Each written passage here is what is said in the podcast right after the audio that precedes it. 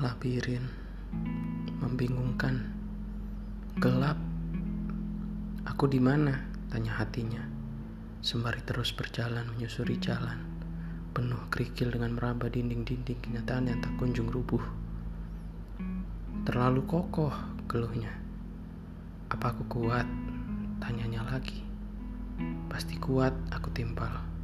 Kamu bohong, dia ragu sambil mengerungut kecut. Aku nggak bohong. Kamu bisa pegang tanganku.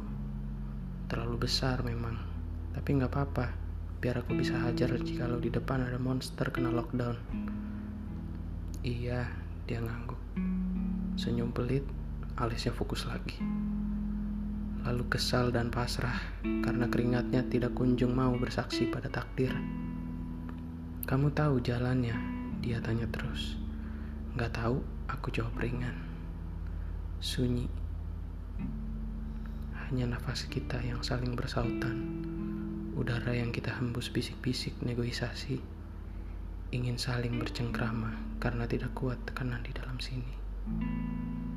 Tekanannya terlalu kuat dalam hati.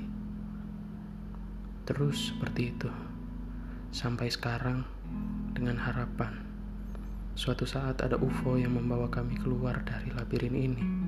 Walaupun akhirnya dimutilasi alien atau ditembak Kapten Zerg, setidaknya kami bisa melihat labirin ini dari luar.